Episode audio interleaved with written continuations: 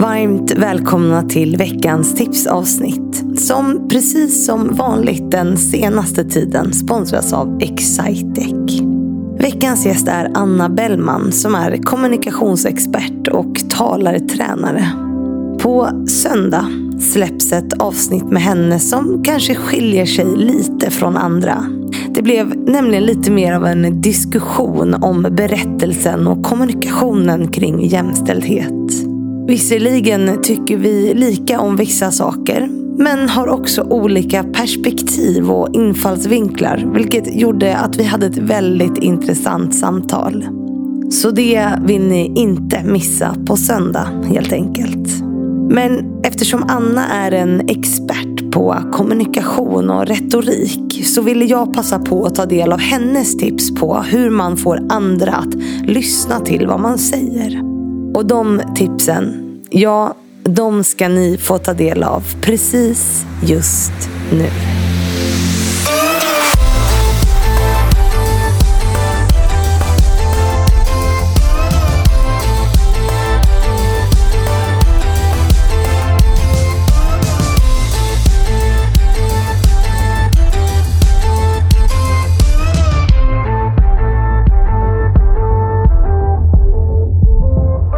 Säger vi igen hej och varmt välkommen till Anna Bellman. Hej! Jättekul att ha dig här. Mycket roligt att vara här. Vad kallar vi dig? Kommunikationsexpert, eh, presentatörsexpert eller presentationsexpert? Ja, det kan du gärna få kalla mig för. Det går bra. Ja, och vi har ju precis spelat in ett avsnitt som liksom blev något som vi inte alls hade tänkt oss. På något sätt ett väldigt reflekterande och diskuterande eh, samtal om hur vi kan kommunicera kring jämställdhet för att få fler, alltså få med oss fler på något Mm, sätt. intressant tycker jag. Jag tror det är bra att få reflektera ihop. Ja, vi har lite olika perspektiv och lite olika, alltså inte olika åsikter tror jag egentligen, men lite olika infallsvinklar på det på något sätt. Men jag vill gärna ifrågasätta lite. Ja, så det var superintressant. men det här är ju ditt tipsavsnitt och som kommunikationsexpert så ska du få ge tips på hur man får andra att lyssna till vad man säger. Tre tips och det är inte alltid helt lätt. Det är inte alls helt lätt och jag möter ju otroligt många som har jobbigt med att prata inför andra, att kommunicera inför andra som tycker att det här är ju verkligen något som suger. Vem vill lyssna på mig? Och det jag märker är så otroligt viktigt oavsett om du ska ha ett möte fysiskt eller digitalt, presentation, alltså om du ska framföra något inför andra. Det många behöver jobba med, det är den egna inställningen. Att inse att jag är här, inte för att visa upp något utan för att ge. Det är inte mig det handlar om. Och jag tror att kan vi ändra våra perspektiv, ändra inställningen till att oh, tänk om jag gör bort mig här nu, tänk om jag inte kommer ihåg vad jag ska säga. Att ändra det till att yes, vilken förmån det är att jag får ha det här mötet, vilken förmån det är att jag får ha den här presentationen. Då kommer hela min ingång till den här uppgiften att bli helt annorlunda. Inställningen, vårt mindset, vår attityd betyder otroligt mycket för hur vi klarar av en uppgift. Många kan ju tycka att det känns som att bestiga ett högt berg. Att tala inför andra. Hur ska jag komma upp? Ja, men om jag förbereder mig på ett bra sätt. Om jag ser till att jag har rätt utrustning. Då är det lättare att gå med lätta steg.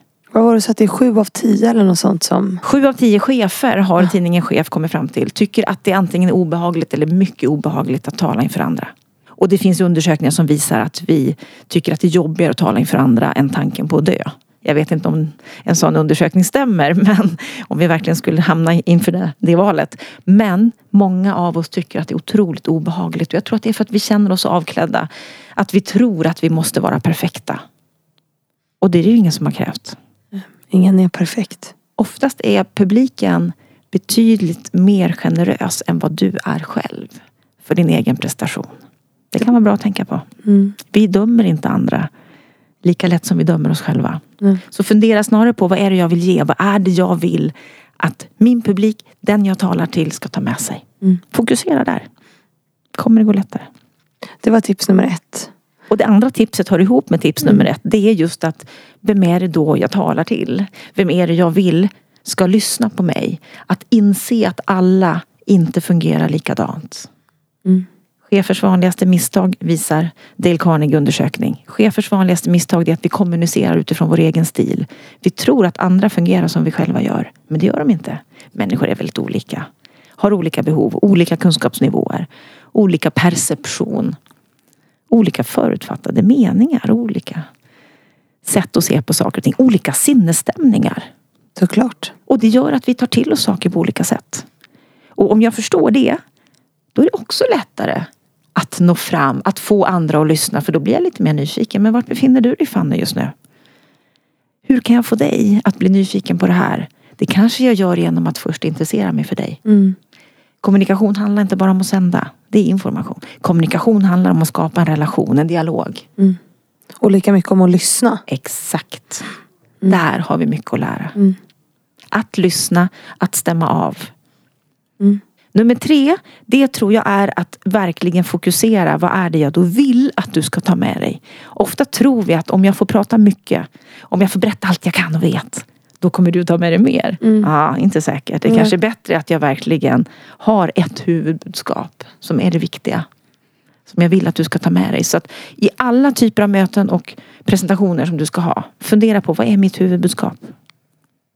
Och se till att du avslutar med det. Det jag verkligen vill att du ska ta med dig ifrån det här mötet, det är det här.